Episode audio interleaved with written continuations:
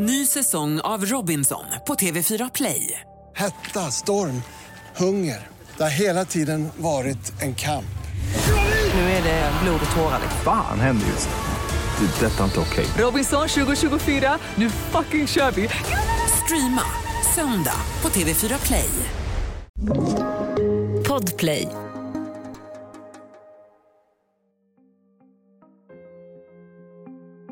Någon saknar pengar att betala sitt bolån med. Så börjar det någonstans i USA. En ganska vanlig händelse. Men den här gången ska en snöboll sättas i rullning som växer till en lavin som sveper över hela världen. En global finanskris. Henrik Mittelman sitter mitt i centrum på en bank i Sverige. Han ska förstå och förklara för andra vad som händer. Men nu är han svarslös och rädd.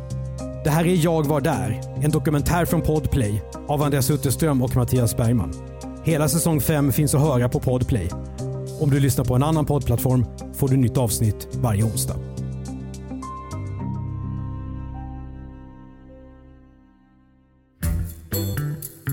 Henrik Mittelman heter jag. Han har en master i ekonomi och skriver bland annat i Dagens Industri. Men tro nu inte att det här avsnittet ska handla om Excel-filer och siffror. Det ska istället handla om hur vi människor fungerar och om vår längtan efter pengar och rädslan för att förlora dem. Och om våra jobb och våra hem. När blev du intresserad av ekonomi? Ganska tidigt. Jag var väldigt politikintresserad under gymnasieåldern och sen engagerad i studentpolitik och allt sånt där under universitetstiden. Eh, och då var det ganska lätt att komma över till nationalekonomi och börja läsa det och sen så blev jag mer och mer intresserad.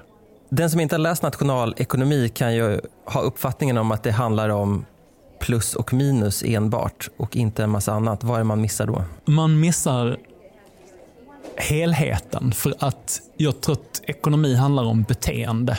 Eh, mänskligt beteende. Och försöker förstå vad det är som driver människor som i sin tur driver företag. Så att, jag tycker det är mycket större än så. Det är inte bara plus och minus. Men, men möter du den, den fördomen så att säga? Eller den Ja, det är klart. Många tycker det är tråkigt, men jag är så glad när, ibland när jag är runt och håller föreläsningar, så eh, finns det ibland människor som har blivit ditlurade av sina respektive och som sen kommer fram och säger “Jäklar, det där med ekonomi är ju rätt spännande ändå”. Och då blir jag riktigt glad. För det är så spännande. Tillbaka till 2007. Henrik Mittelman är analyschef på den svenska storbanken SEB. Vad gör en analyschef? försöker att eh, producera spännande tankar och idéer till våra kunder. Eh, och Det kan vara allt från institutionella kunder, sådana som håller på att förvalta våra pensionspengar, eh, till privatpersoner. Man jobbar väl ganska mycket. Framförallt är man ju, upp, man är ju där tidigt på morgonen. Man ska skriva de här morgonbreven. Och då är man ju inne vid fem. Och sen så är det trevliga när man inte sysslar med någon exakt vetenskap, det är ju att, att äh, ribban är inte så högt satt. Alltså att det viktiga är på något sätt att komma med någon sorts halvklok tanke om vart vi är på väg. Och ibland går man rätt och ibland går man snett. Berätta någon gång när du varit snett ute. Det är så många gånger så jag, och jag har dåligt minne så jag är duktig på att förtränga. Men jag tror bara man försöker att liksom uttrycka sig i text eller i tal med en stor portion ödmjukhet. Ödmjukhet är inte riktigt det som präglar särskilt många i branschen. Svensk ekonomi, början av 2007 där, hur mår den? Den mår väldigt bra, till synes väldigt bra. Min claim to fame är nog att jag 2007 skrev en text som bland annat handlade om att nu går det så bra i Stockholm att det faktiskt finns hundspa på Östermalm. Eh, och inte bara vilket hundspa som helst, utan också med hundyoga. För att eh, även hundens inre liv eh, ska tas om hand. Och det var ju ett rätt gott tecken på att vi börjar bli någon form av överhettning. Eh, Så jag skrev ihop den här texten och den blev faktiskt den mest lästa texten. För den togs sen upp och skrevs om av Bloomberg. Ehm, och den blev faktiskt den mest klickade på texten i hela världen på Bloomberg den dagen. Eh, som ni förstår hände det ju inte någonting den dagen, men alltså, det var ändå kul. Och vad var orsakerna till att svensk ekonomi mådde så bra då? Ja, men de flesta ekonomier mådde ju bra. Vi var liksom inne i den här liksom optimistiska, hjulen snurrade snabbare och snabbare. Och då liksom framgång föder framgång. Och hur ser det ut i USA då den här tiden? Ännu mer överhettat. Eh, ännu gladare tongångar. Ännu lättare att få lån.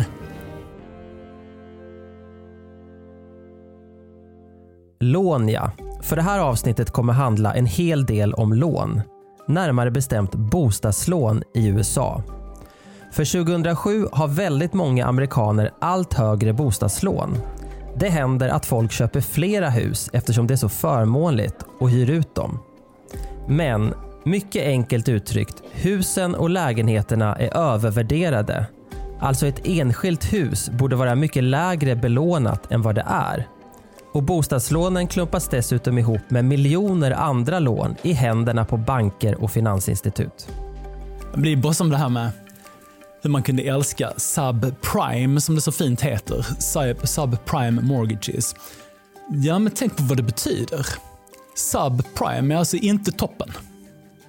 En vanlig sak som har sagts efteråt är att de här instrument, finansiella instrumenten de var så komplicerade så eh, jag förstod dem faktiskt inte, har även höga chefer sagt. Tror du att det var så eller är det en väldigt passande eh, bortförklaring? Nej, jag tror absolut att det var så. Eh, och naivt som tusan av naturligtvis av köparna av dessa instrument. Och köparna var ju bland annat svenska pensionsfonder som tyckte att det här verkar toppen. Men de visste inte vad de köpte. Nej, det är bubbelvarning. När priset på pengar, det vill säga räntan, är fel och allt för låg, då kommer excesser. Dels är det liksom den ohyggliga låntagningen vad gäller bostäder. Men även sådär en kompis till mig som berättade att han hade fått ett kreditkort till sin hund. Eh, det var så enkelt på den tiden. Det var liksom sprutade ut pengar. Och det där hade man ju sett flera år tidigare och vi hade ju liksom noterat de här sakerna. Sen drar man väl inte alltid konsekvenserna av det. I eh, mars 2007 då säger du så här. Oj, har du grävt upp något sånt? Nu blir jag orolig. Henrik Mittelman ser möjligen den senaste tidens fokus på problemen inom subprime mortgage som något överdriven, i alla fall vad det gäller dess makroekonomiska konsekvenser. Åh, oh, fy fan, har jag sagt det? Har man haft ett så lågt pris på pengar under en längre tid så kommer det såna här korrektioner, ja. säger han. Ja. Mm. ja, men det var ju både rätt och fel. Alltså, har man haft ett så här lågt pris på pengar så kommer såna här korrektioner. Det... Men tänker du att det väntar en kris bakom hörnet på grund av överhettning? Alltså, det var inte så att vi förutsåg någon finanskris, men vi som satt på räntesidan, vi kunde ju redan 2007 se att sådana här så kallade kreditspreadar och lite annat eh, hade börjat gå isär. Det vill säga att det blev lite dyrare för företag att låna pengar. Eh, så man såg ju att det var någonting som var fel. Ja, något är rejält fel. Men inga träd får växa till himlen. Hösten 2007 toppar den amerikanska börsen. Och då har det redan börjat osa om bolånen i USA. Nu är det bankernas tur att hamna i fokus. För när du eller jag inte kan betala våra bolån, då har vi ett problem. Men när det är miljoner människor som går i konkurs och tvingas sälja sina hem med förlust, ja då är det banken som får problem istället. Så hur låter det då på SEBs luftiga huvudkontor i Stockholm, där Henrik Mittelman sitter? I, I, en akut fas så är det ju, då skriks det fram och tillbaka. Men, men annars under liksom mer en sån här lång kris skulle jag säga att ljudvolymen är nog lite lägre kanske. Att man går mer in i sig själv och är lite mer deppig. Och frågan som många ställer sig nu är, vad är det för bostadslån som bankerna egentligen har gått med på? När 2007 blir 2008 spolar en våg av elände över världen. Jätteaktörer som sitter med Svarte Petter måste räddas. Bear Stearns, Fannie Mae, Freddie Mac, Merrill Lynch. Namn som tidigare bara de insatta har känt till blir nu ökända. Isländska banker som tagit för stora risker håller på att skälpa hela landet. Svenskar som jobbat på banker i London kommer hem. Jobben är borta. Men det var gradvis. För att jag tycker, nu sett i backspegeln så talar man om den här liksom akuta fasen och härdsmältan och nästan som en explosion. Men det var ju inte det, utan det byggdes upp. Gradvis såg man tecken som inte var bra. Och sen, kom, sen kulminerade det naturligtvis med investmentbanken Lehman Brothers kollaps.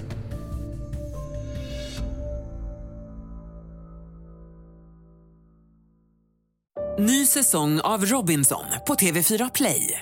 Hetta, storm, hunger. Det har hela tiden varit en kamp. Nu är det blod och tårar. Fan händer just nu. Det. är Detta är inte okej. Robinson 2024, nu fucking kör vi! Streama söndag på TV4 Play. Ett poddtips från Podplay. I fallen jag aldrig glömmer djupdyker Hasse Aro i arbetet bakom några av Sveriges mest uppseendeväckande brottsutredningar. Går vi in med hemlig telefonavlyssning och, och då upplever vi att vi får en total förändring av hans beteende. Vad är det som händer nu? Vem är det som läcker? Och så säger han att jag är kriminell, jag har varit kriminell i hela mitt liv men att mörda ett barn, där går min gräns.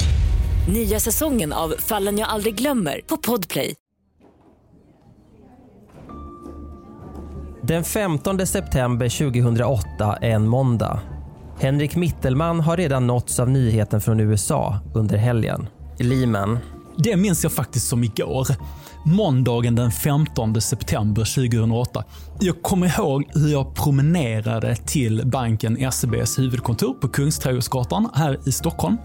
Uh, ja, supertidigt på morgonen och det var strålande solsken.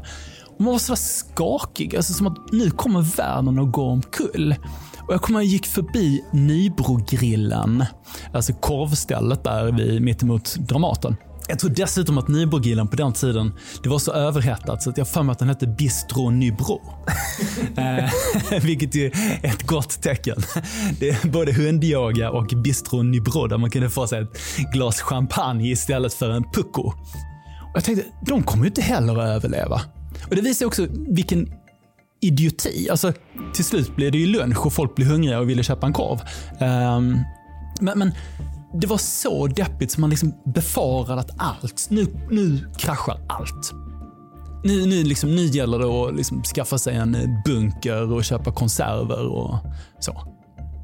Överdriven oro såklart. Men, men det visar lite grann hur man kan piska upp en stämning. Det som hänt Amerikanska politiker har bestämt att inte hålla investmentbanken Lehman Brothers under armarna. Den är bankrutt och banken är en av de mest anrika på Wall Street. Symboliken är övertydlig. Bilderna av chockade kostymklädda banktjänstemän som lämnar banken med sina saker i bruna pappkartonger blir ikoniska. Att det var så illa ställt i Lehman Brothers, det hade jag ingen aning om. Man såg ju upp till en del av de här investmentbankerna. Jag har varit där flera gånger både i New York och London och eh, smarta, duktiga människor som jobbar där. Hur pratar ni om det här? För det här är otroligt komplicerat. Ja, det är komplicerat. Det, det jag upptäckte då, det var ju att jag själv inte förstod särskilt mycket av banksystemet och eh, vad värre är att jag förstod att ingen annan heller gjorde det. Eh, på just min fina bank så fanns det väl ett par personer som, som kunde det. Men jag skulle tro att det finns flera banker där det inte, var en, inte fanns någon som egentligen förstod hur allting hängde ihop. Pratades det om något annat i korridorerna? Nej, nej, nej, det var det enda man pratade om. Och alla var så rädda, alltså man var rädd liksom både för systemet och det kan ju låta så, men vadå, skit i systemet. Ja, men banksystemet, bankväsendet är ju blodomloppet. Liksom. Utan, utan banker så blir det väldigt svårt att ha en välfungerande ekonomi. Och om bankerna då inte fungerar och bankerna inte kan leverera, ja men då kan ju allt stanna. Det låter dramatiskt och det är dramatiskt. Om man bara går till sig själv. Liksom, det, tänk om det inte finns något kreditsystem. Det, kreditkorten funkar inte längre. Och det gör den varken för, vad vet jag, något storföretag, Volvo, eh, eller för dig. Då blir det liksom en riktig blodpropp. En kollektiv blodpropp. Om man inte tänkt på det innan så blir det väldigt tydligt nu. Banksektorn är en trovärdighetsbransch ingen litade på någon. Tidigare har man kunnat liksom låna pengar av varandra lite hitan och ditan för man får, kommer ändå få tillbaka dem. Men, men nu började man befara att ja, men, om Lehman kraschar, vem har lånat ut pengar till den banken? Och Vi kanske inte har gjort det, men vi kanske har lånat ut till någon annan som har lånat ut till någon annan som i sin tur har lånat ut till Lehman. Och då rullar snöbollen. Och till slut litar ingen på någon. Men det är lite så när alla samtidigt tänker samma sak. Och alla blir lika nervösa och alla pratar med varandra. Ingen lugnar någon utan alla tänker samma sak. När bankerna blev så försiktiga så vågade de inte låna ut pengar. Och då plötsligt så får inte korvkiosken eller eh, parkeringsgaraget eller vad det nu kan vara, de krediter som de behöver för att snurra runt sin verksamhet. Och då avskedar de personal. Varför är det en angelägenhet för Sverige överhuvudtaget? Vi sköter ju vårt här kan man tycka. Bankväsendet är så sammanflätat. Det, det var väl det som gjorde att man blev så orolig. Men att det var så sammanflätat och att det skulle få så stora konsekvenser, det trodde inte jag och det tror jag få hade koll på. Man kommer in på jobbet och vi har morgonmöte och alla är förtvivlade och oroliga. Um, det är liksom ett stort gäng av olika människor. Det är både analytiker som jag och mina kompisar um, och sen är det räntehandlare och valutahandlare och uh, massor med olika människor som alla var lika skärrade. Men värre är det ju för de som ska finansiera en banks upplåning. Och det var inte min avdelning då. Um, där är det ju såklart riktigt, riktigt nervöst. De som hade det värst, det var ju såklart eh, bankernas ledningsgrupper och inte minst den delen i banken som, som eh, finansierar banken. Det brukar kallas för treasury-avdelningar. Där var det nervöst på riktigt. Äh, det, det, är klart att det slog ner som en blixt från klar himmel. Ja, då har vi gått från amerikaner som inte kan betala bolånet till ett globalt banksystem som riskerar att krascha och till att vanliga löntagare får sparken. Under krisen som följer dubblas arbetslösheten i USA. Städer som Detroit med sin bilindustri blir spökstäder. Nu är alla väldigt rädda. I en kris känner man alltid att man saknar information. Och det gäller också Henrik Mittelman. Och hur såg dina arbetsdagar ut här med tanke på tidsskillnaden då till exempel? Ja, men det var intensivt. Det var väldigt intensiva veckor. Och uh, Där man egentligen inte gjorde någon nytta. Uh, det är också en lärdom. men, men, det handlar väl mer kanske om att hålla kunderna i handen och och Det låter ju liksom arrogant kanske, men jag menar precis tvärtom. Liksom att vi får försöka liksom överleva tillsammans. Fick du mycket samtal då från kunder? Ja, och många funderingar såklart om hur allvarlig krisen blir, vilka konsekvenser det blir för, ja, för Sverige, för Norden. Eh, vi var ju ganska långt ifrån eh, någon sorts traditionell skuldkris. Vi hade ju gått igenom vårt stålbad eh, tidigare. Eh, och man kunde inte se samma excesser här. Men samtidigt förstod man ju hur att det blir ringar på vattnet. När det liksom faller en sån gigantisk bomb ner i en liten sjö så liksom händer det saker överallt. Under tiden när det stormade som värst, ringde det vänner och bekanta som inte jobbar med samma sak som du och sa, frågade typ ska jag sälja mina Apple-aktier och bad om liksom privatekonomiska råd? Ja, det gjorde det. Eh, det är klart att man fick sådana samtal. Samtidigt får man säga att i Sverige, om man inte direkt jobbade med finans, så var man ju till synes opåverkad. Är du, jobbar du på sjukhuset i Växjö så märkte du inte av det här. Du märkte nog av det på sjukhuset i en motsvarande stad i USA. Men i Sverige hade man inte gjort det. Och när du tänkte i worst case scenarios då, under den här perioden, vad, vad tänkte du då? man tänkte ju liksom att det här leder till aktiekrasch, vilket det också gjorde. Det låter som att du har behövt ta bankväsendet i försvar på många fester och privata sammanhang. Tolkar det rätt? Ja, det var ju inte poppis att jobba på bank. Det var ju inte det coolaste man kunde göra under den här krisen. Det, det kan man ju säga.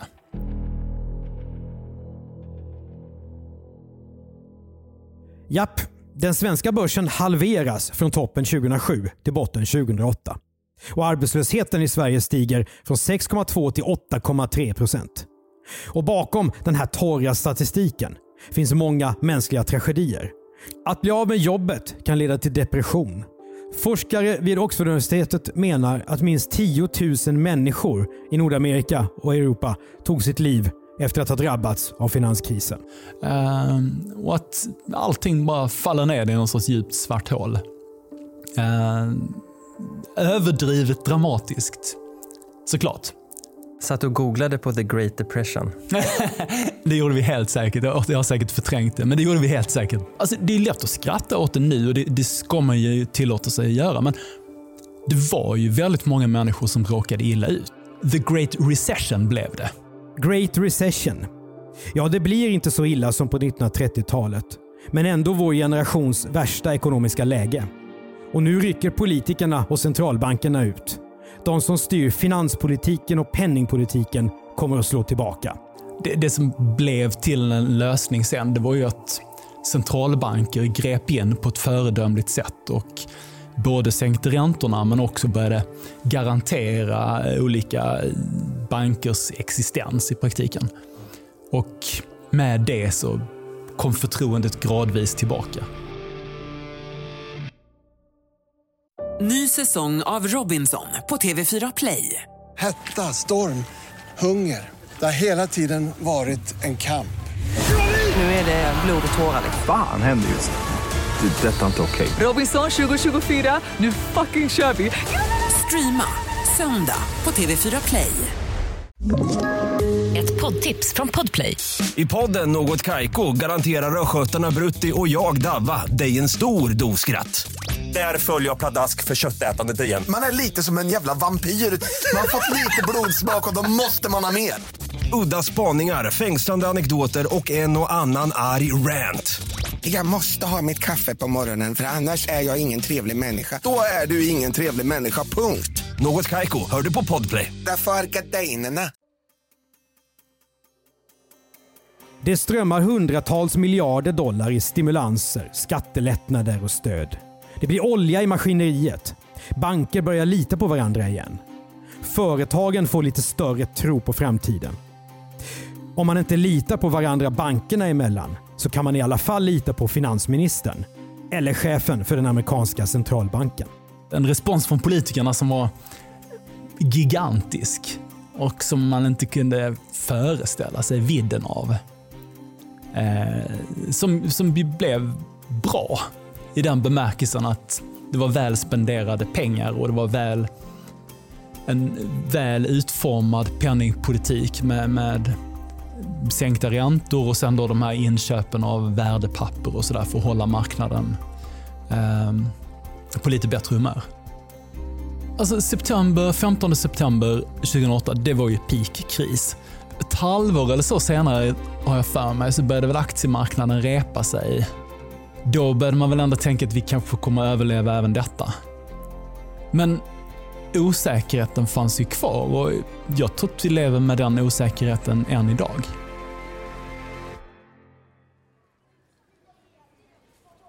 Det är 13 år sedan nu. Livet går fort och börsen ännu snabbare. Solen går fortfarande upp på morgonen och ner på kvällen. De allra flesta klarar finanskrisen med liv, jobb och framtidstro i behåll. Men misstron mot eliten som såtts i västvärlden blommar ut de följande åren. Så hanterades verkligen finanskrisen så bra sett i backspegeln? Var det till exempel rätt att låta Lehman falla? Men det är klart att man, att man tillät Lehman Brothers kollapsa. Det var ju sett i backspegeln inte sådär supersmart. Det finns någonting ganska klokt i att inte bara baila ut alla, utan marknadsekonomi handlar faktiskt om att företag ska klara sig själva. Men det är klart att det här hade så stor samhällspåverkan så att återigen, sett i backspegeln. Man borde väl ha räddat Lehman antar jag. Alltså det där har jag tänkt på många gånger, att vad som var rätt och vad som är fel. För att jag som är helt övertygad om marknadsekonomins förträfflighet och om kapitalism. Alltså kapitalism låter som något hemskt ord, men det handlar ju om äganderätt. Liksom. Företag ska tillåtas gå under. Det låter hårt, men om man tänker efter. Ett företag som en bank som räddas av våra pengar när de gjort fel och går dåligt. Är det verkligen rätt? Henrik Mittelman jobbar kvar på SEB i några år. Idag är han egenföretagare och expert på att förklara ekonomi. 2021 är en annan tid. Så vad har han lärt sig? Hur besvärligt det är med finansiella kriser. Vanliga kriser om man får säga så. En konjunkturell kris. Ja, men det kan vi hantera. Det tar några år och sen så kommer man tillbaka igen. Och vi löser det. Företagen är jätteduktiga på att hantera det och det har vi sett nu till exempel under pandemin. Han säger att vi fortfarande lever i skuggan av 2008. På vilket sätt? In, man, när man liksom är på botten av konjunkturen så går allting illa. Man betar av sina lagerhyllor och sådär och kränger ut det sista. Sen börjar man märka att ja, men det finns nog någon kund ändå. Och så börjar det hända lite roliga saker och man fyller på lagerhyllorna. Och så börjar man kanske köpa en ny maskin eller anställa lite fler människor. Och sen kraschar allting när man har en helikopterlandningsbana på huvudkontorets tak. Eh, om man liksom har en staty på vdn och så. Den här gången så gick vi igenom en högkonjunktur eller ganska bra drag i ekonomin under lång tid utan att företagen investerade så mycket som man brukar göra. Och Det har jag tänkt på flera gånger att det är nog att ledningsgrupper och styrelser är fortfarande präglade av finanskrisen. Nej, vi, ska inte vå vi vågar inte. Och därför så har finanskrisen fortfarande eh, påverkan på ekonomin. När coronakrisen slog till och fick hela världen att stanna upp år 2020 föll börserna ännu snabbare än de gjorde under finanskrisen. Över en natt blev människor av med jobbet och då kom nya stöd. Det är att nu får vi stimulanspaket som får allt detta att framstå som småpengar. För nu pratar vi 6 000 miljarder dollar. Det är pengar det. Jag tycker det är jätteviktigt att se på de här huvudrollsinnehavarna centralbanksvärlden, hur de tänker. Och då har vi just nu då hamnat i den där fasen med att centralbanker kan stimulera mer och mer och mer. Och mer. Det finns inga kostnader. Det är en ny monetär politik, ny penningpolitik och sådär. Nu har vi ju alla blivit socialister. Liksom, för nu, nu ska alla rädda världen om man förlitar sig på politiker. Eh, både finanspolitiken, alltså de valda politikerna och centralbankerna, alltså Riksbanken i Sverige. Ehm, nu hoppas man att det alltid är de som ska rädda världen. inför någon form av minusränta. Så fort det är minsta lilla gungning så, så kommer det alltid någon räddning. Sen ifall det är bra eller dåligt, det är jag mer osäker på. Jag tror att det är väldigt dåligt på lång sikt. För att vi måste kunna leva med någon form av ränta, någon form av pris på pengar.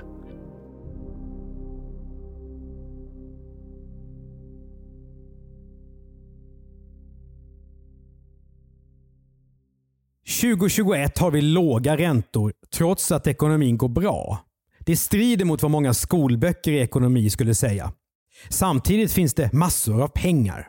Bakom ordet stimulanspaket ligger nämligen att antalet dollar är 25% fler idag än för ett år sedan. Nytryckta sedlar skulle man kunna säga. Och Om det här är smart eller fruktansvärt idiotiskt, det vet ingen. Men klart är att det är ett historiskt jätteexperiment. Ja, men vi är på väg mot överhettning. Vi skojade tidigare om hundyoga på Östermalm 2007.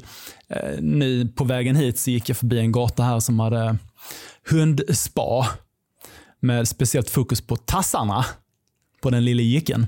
Ehm, vi är på väg mot något liknande. Eh, inte en finanskris, det tror jag inte alls. Bankernas balansräkningar är i fint och gott skick.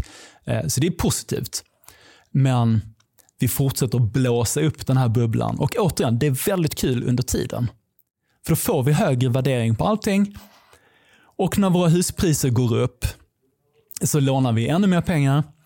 Men man kan inte låta bli att fundera på var alla dessa Tesla-bilar, hur de liksom är, hur de är finansierade. Och det är kö till Gucci-butiken på Birger och Louis Vuitton. Och det, det går bra nu. Uppenbarligen kan många köpa väldigt dyra bilar eller båtar eller vad det nu kan vara. Och det är klart att det är bolån bakom. I bolånestocken så tror jag vi maskerar en hel del konsumtionslån. Vi är mer skuldsatta än vad vi någonsin har varit. Vi är mer skuldsatta både i kronor och ören per person och i relation till våra inkomster. Samtidigt betalar vi väldigt begränsat med räntor. Eh, men det är för att centralbankscheferna de fortsätter att bekämpa den gamla krisen. Det är det som har lagt grunden till den här, eh, vad jag tycker, galenskapen med nollränta i högkonjunktur. Eh, då kommer vi att blåsa upp bubblor. Vi ser ju excesser just nu. Enorma excesser. Jag tror att konsekvenserna på sikt, när, när pengar inte kostar någonting samtidigt som ekonomin går ganska bra, då går det i slutändan åt helsike. Och dit är vi på väg. Men det är jättekul på vägen. När Henrik Mittelman pratar om svenskarnas skulder idag låter han som rena olyckskorpen. Och han tycker att de som har makten inte har släppt finanskrisen. Så att centralbanksmänniskorna, de är inne i 2008-mode och bekämpar deflation. Deflation, alltså en sänkning av den allmänna prisnivån eller att den ekonomiska aktiviteten minskar i ett land. Trots att de flesta av oss just nu kanske befarar inflation. För vi ser att priser går upp. Centralbankschefen ska vara den som man brukar säga tar bort bålskålen när festen börjar bli lite för, för eh, uppsluppen. Eh, och med andra ord höja räntan när konjunkturen är lite för stark. Men, men Stefan Ingves är ju verkligen den som liksom kommer ut med shotglasen klockan fyra på morgonen när alla redan är ganska berusade. Och det har vi vant oss vid var käkade lunch häromveckan med en bank-VD. Jag ska inte avslöja vem det är. Men vi skojade lite om det att eh, vi är uppvuxna med det här eh, spara och slösa. Och spara, hon eh, sparade och var duktig och spara är en dygd och slösa är en synd. Vilken loser man är som har trott på det där. De har ju förstört oss i generationer framöver. Man borde bara lånat hur mycket pengar som helst. Skämt åsido, men alltså att jag tror att centralbankerna har dessvärre skapat små monster. Kriser kommer och går genom våra liv. Börsbubblor, spekulation, skuldkriser, valutakriser, bankkollapser. Men de flesta av oss klarar sig ändå. Men bakom de lite abstrakta begreppen som deflation eller stimulanser, glöm inte att det oftast börjar och slutar med oss själva. Ekonomi handlar om beteende och det är det som gör det här så himla spännande. För att det kanske är rätt. Vi är väldigt skuldsatta, som i Sverige idag. Vi är väldigt skuldsatta, men vi har också väldigt stora tillgångar. Så vi blåser upp någon sorts balansräkning. Vi har höga skulder och höga tillgångar. Eh, och vi har aldrig varit med om något liknande förut. Problemet är ju bara det där med att tillgångspriser kan falla medan lånet ofta består. Vi brukar överleva. Och Det är därför vi sitter här idag. Och Jag tänker tillbaka på de kriser jag har varit med om. Liksom, jag flög till Oslo dagen efter 11 september 2001. Alltså. Och jag kommer alla var så oroliga för att det var någon som gick fram mot cockpiten alla tittade på den där personen. Är det på väg mot någon kapning eller vad är det som händer? Men han skulle ju bara gå på toaletten. Lite så, sett i backspegeln, kan man väl också tänka om de här finanskriserna. Alltså, chilla lite. Det, vi kommer nog komma ur det här också. Men, det, precis som i 11 september hade det enorma mänskliga konsekvenser det politiska spelet och det är Hank Paulson där och det är Bush där och det är Geithner och det är centralbankscheferna och sådär. Men att vi kanske fokuserade lite för lite på den där parkeringsvakten som blev av med sitt jobb i någon håla i USA. För att företaget som ägde garaget kollapsade för de inte fick några pengar. Att det får sådana realekonomiska konsekvenser som det så fint heter på nationalekonomiska. Det här hade ju katastrofala följder för riktiga människor. En del faktiskt liksom kom in i någon sorts permanent arbetslöshet. Och det har lett till både dödsfall och sju sorger och åtta bedrövelser. Du har hört Jag var där, en dokumentär från Podplay av Andreas Utterström och Mattias Bergman. Exekutiv producent Jonas Lindskov. Du kan kontakta oss på mail jagvardar.bplus.se. Det är B plus med bokstäver. För Podplay producerar vi även podden Misslyckade brott. Vi driver också specialistbyrån för innehåll Commercial Content och arbetar bland annat med medieträning. Googla medieträning 2.0 så får du se. De tio avsnitten i säsong 5 av Jag var där finns ute på Podplay. Du som lyssnar på någon annan poddplattform får ett nytt avsnitt varje onsdag.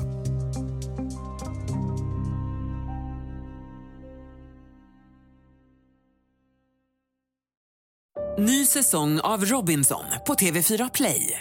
Hetta, storm, hunger. Det har hela tiden varit en kamp. Nu är det blod och tårar. Fan händer just nu. Det. Detta är inte okej. Robinson 2024, nu fucking kör vi! Streama söndag på TV4 Play.